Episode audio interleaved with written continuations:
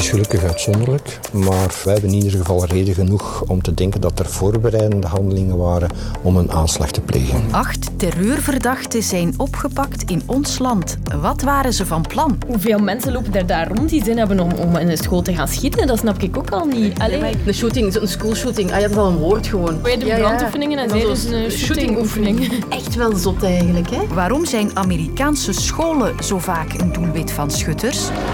The mammoth meatball.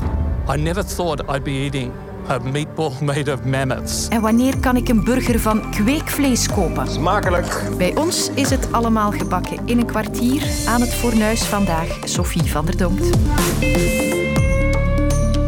Een vereidelde terreuraanslag. Daarmee opende de RTBF om 10 uur vanmorgen het radionieuws. Bonjour à tous. Une opération antiterroriste menée hier soir à Bruxelles et Anvers, selon des informations récoltées par la RTBF. Er zijn acht mensen opgepakt fédéral. Huit personnes ont été privées de liberté. die wellicht plannen hadden om in ons land een aanslag te plegen. d'avoir voulu commettre un attentat terroriste dans notre pays. Retrouvez toute l'info sur rtbf.be. En dus vertrok een cameraploeg van VRT Nieuws naar het federaal parket. Lopen we? Of, eh, ah ja. Ja. Is het in orde? Voor meer informatie. Oké. Meneer Van der Zij hebt gisteren op verschillende plaatsen in ons land huiszoekingen. Ehm, in welk onderzoek kaderde die huiszoekingen dan precies? Het kadert in eh, twee verschillende onderzoeken van het federaal parket. Gedurende die twee onderzoeken, die oorspronkelijk los van elkaar liepen, hebben we gemerkt dat er verschillende protagonisten contacten hadden met elkaar. En zijn we dan tegelijkertijd in beide onderzoeken tussengekomen gisteravond en vannacht. Daar kunnen we niet in details treden, niet over de doelen, niet over de manier van uitvoering. Het onderzoek loopt nog natuurlijk, maar voorlopig kunnen we daar geen details over geven. Oké, goed. Dank u wel, meneer Van der Zijpt. Weinig details dus, maar ik probeer er toch wat wijzer uit te geraken met justitiecollega Filip Heijmans. Goedemiddag. Want hij heeft de hele dag zijn contacten platgebeld. Ja, eh, er is inderdaad nog niet heel veel informatie bekend op dit ogenblik. Het federaal parket is wel met een persbericht naar buiten gekomen waarin een aantal dingen staat. Maar ze zijn eigenlijk nogal karig met informatie, omdat natuurlijk die mensen die zijn gisteravond en vannacht opgepakt, die moeten nu allemaal verhoord worden en eventueel voor de onderzoeksrechter komen. Dat zal vandaag en morgen gebeuren en ze willen natuurlijk niet dat er, terwijl die nog verhoord moeten worden, dat er al veel informatie naar buiten komt. Laten we toch eens proberen om de zaak reconstrueren. Om te beginnen, wie zijn die verdachten die zijn opgepakt? Zou gaan om nog jonge mensen, jongvolwassenen wordt ons gezegd, dus ze zijn wel ouder dan 18 en die heel snel geradicaliseerd zouden zijn. Dus eh, het gaat dan over de radicale islam. Het zouden islamistische extremisten zijn, maar dat zou heel snel gegaan zijn. En ze komen dus zowel uit de omgeving van Antwerpen als de omgeving van Brussel. Dus er is één groep die vooral in Antwerpen eh, opgepakt is, één groep vooral in Brussel. En één iemand van die groep van Antwerpen is ook in Eupen opgepakt, in de Oostkantons. Lijkt misschien een beetje verrassend, maar het is niet de eerste keer dat daar iemand wordt opgepakt die met terreurplannen rondliep. Wat waren ze van plan? Wat we uit goede bron horen is dat ze van plan zouden zijn geweest om met vuurwapens toe te slaan, dus niet met explosieven. Dat is natuurlijk veel makkelijker. Als je aan één wapen raakt, ja, dan kan je eigenlijk op een vrij simpele manier veel slachtoffers maken. Maar waar en wanneer ze dat hadden willen doen, dat is nog onduidelijk. De groep van Antwerpen zou nog geen doelwit gekozen hebben. Bij de groep van Brussel weten we het eigenlijk niet zo goed. Uh, maar voor het gerecht en voor de politie was het wel voldoende om nu al in actie te komen. Want je moet altijd een beetje afwachten tot die plannen concreet genoeg zijn voor je iemand kunt oppakken. Een idee op zich volstaat niet. Maar de woordvoerder van het federaal parket zegt wel, de plannen waren concreet genoeg voor ons om nu in actie te komen en hen te arresteren. En wil dat nu zeggen dat de terreurdreiging in ons land groter geworden is? Voorlopig niet. Uh, we hebben gebeld met het OCAT, dat zich daarmee bezighoudt met die analyse van de dreiging in ons land. En zij houden het dreigingsniveau voorlopig op 2, op een schaal van 4. Dat wil zeggen dat een aanslag op dit ogenblik weinig waarschijnlijk is. Dat klinkt een beetje vreemd, maar de veiligheidsdiensten gaan er dus van uit dat ze met die acht mensen nu wel uh, alle dreiging voorlopig hebben weggenomen. Dus dat er geen reden is om dat dreigingsniveau op dit ogenblik te verhogen, tenminste voor het hele land. Het zou wel kunnen dat er hier of daar voor een concreet mogelijk doelwit wel extra maatregelen worden genomen, maar daar wordt niet over gecommuniceerd.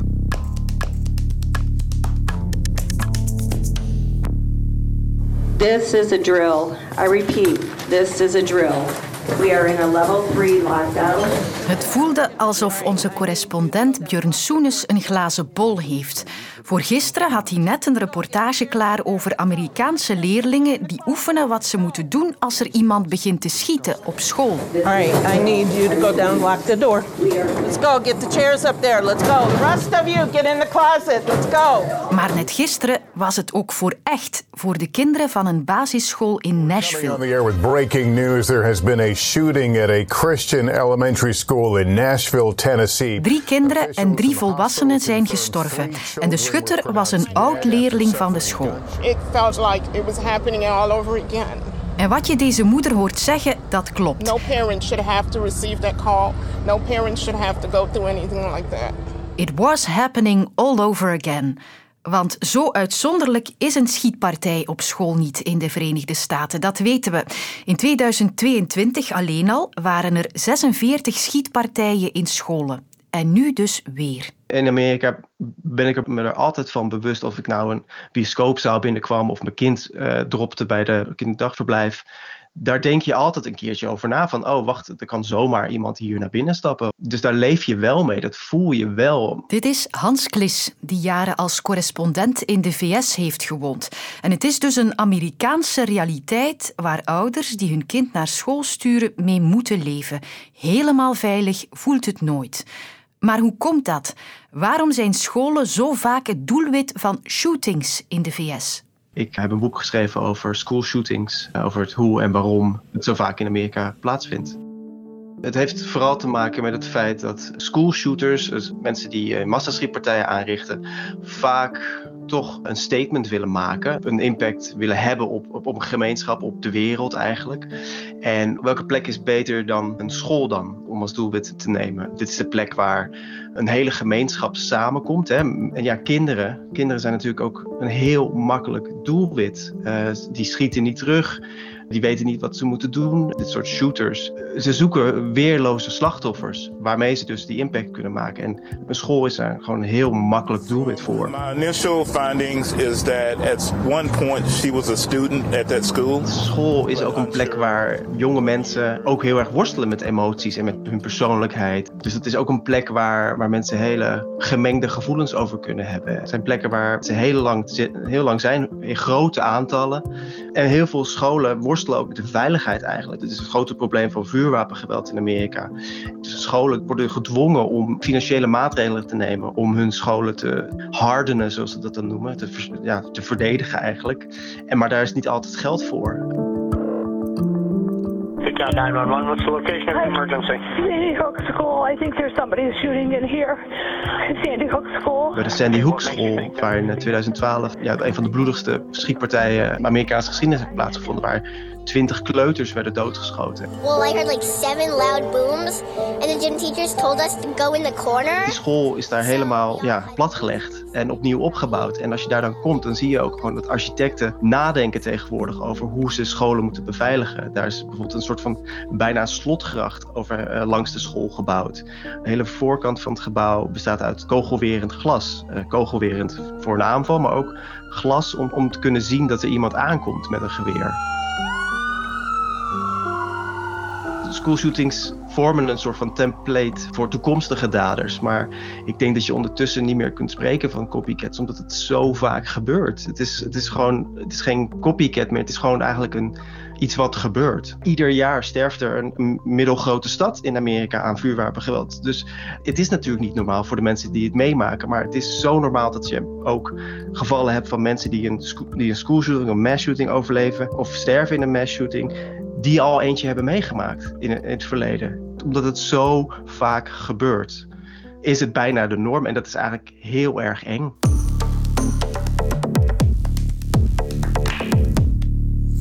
In Amsterdam hebben ze vandaag een heel speciale gehaktbal in de pan gebakken. Van een, hou je vast, mammoet. De kok moet voor een grote uitdaging gestaan hebben, want de mammoet ja, die is al 10.000 jaar uitgestorven. Maar geen nood. De DNA-wetenschap heeft een handje geholpen en een eiwit van die mammoet weer tot leven gewekt. En dat wordt nu dus gebruikt om die gehaktbal te maken. Ook in België is er een start-up die al werkt met dat mammoeteiwit. Allemaal met als doel vlees namaken zonder dat je er dieren voor moet slachten en zonder milieu en klimaat zwaar te belasten. Hoe maak je dat, kweekvlees? Wel, bij de KU Leuven bestudeert professor Lieven Torré al die processen. We isoleren cellen uit een dier, dus je kunt een klein stukje weefsel, spierweefsel wegnemen en daaruit kun je dan eigenlijk de voorlopercellen van spierweefsel gaan isoleren. Dat zijn cellen die zeer goed nog kunnen delen, die je kunt in een laboratorium of op termijn misschien in een firma gaan vermenigvuldigen. En het idee is dat we die cellen eigenlijk in een uh, omgeving buiten het dier dermate gaan vermenigvuldigen, zodanig dat we voldoende hoeveelheden hebben om er dan ook vlees mee te gaan uh, maken, om er terug weefsel van te maken. Al in 2013, dus tien jaar geleden intussen, heeft een Nederlander het allereerste stukje kweekvlees aan de wereld voorgesteld. Wij maken vlees in een laboratorium. En als alles goed gaat, kunnen we over enkele jaren uit een paar cellen van een koe 10.000 kilo vlees maken. Can you do the honors and, and lift the lid on your creation? I can.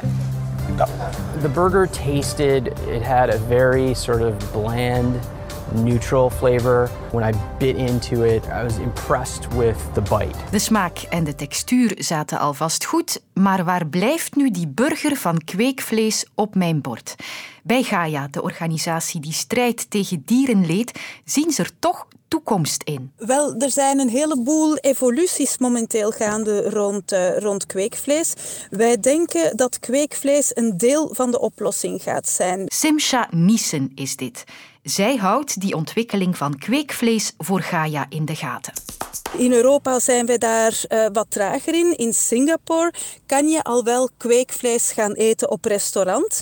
En we zien dat verschillende landen, daar waar het eerst vooral privé um, ondersteund werd, die bedrijven, gaan we zien dat nu verschillende landen, zoals India, uh, China, Israël, maar ook Nederland, dichter bij huis, gaan inzetten op kweekvlees. In China bijvoorbeeld heeft men kweekvlees mee opgenomen in het vijfjarig landbouwplan. Omdat de groep mensen die vlees eet in die landen stijgt. Dus dat zijn de landen die, die zeer sterk aanvoelen dat er een, eh, een transitie nodig is. Maar wat zijn dan nog de obstakels? Ik keer terug naar professor Torré van de KU Leuven. Het begint eigenlijk al bij het basismateriaal, bij eh, de dierlijke cellen. Dus die cellen die kunnen we wel expanderen, maar om dat eigenlijk op een grote schaal te gaan doen, daar wringt vooralsnog het schoentje. Het is ook niet helemaal zeker of dat eigenlijk uh, dat kan met processen die, zoals men claimt, uh, energetisch veel, uh, veel gunstiger gaan zijn, die minder een voetafdruk gaan hebben wat betreft het gebruik van water bijvoorbeeld. Ook de kost is nog een, een zeer belangrijke factor. Het expanderen van die cellen is eigenlijk wel iets dat zeer duur is, omdat die cellen die moeten groeien en een vloeistof, een voedingsmedium. Uh, we spreken dan over op dit moment uh, ongeveer een paar honderd euro voor een liter van dat medium. En als alles dan op punt zou staan, kan het dan toch nog een revolutie zijn? Ik denk wel dat er toch een beetje door de firma's en, en ook door media, denk ik, wel een zekere hype is gecreëerd geweest de afgelopen jaren toch wel wat, wat valse beloftes gemaakt, zeker qua termijn waarop dat, uh, dit type product op de markt zou kunnen komen, die op dit moment niet ingelost zijn en waarvan dat ik ook vermoed dat het nog wel even kan duren. Maar als het al uh, op de markt zou komen, wellicht eerder een, een nicheproduct zal zijn. En dan zal het afhangen van heel veel factoren, zoals de kost, zoals het zich vergelijkt qua voedingswaarde met uh, het conventionele vlees, wat de afdruk zal zijn in termen van energieverbruik en andere voetafdruk op de planeet. Dus het is allemaal nog een beetje kijken in een glazen bol om dat te gaan voorspellen. Er wordt nog aan gewerkt aan mijn kweekvleesburger, maar de eerste jaren zal hij bij mij thuis nog niet op het menu staan dus. Dag. Meesterverteller Johan Op de Beek is terug met een nieuw seizoen van de Franse Revolutie. Nu in de app van VRT Max.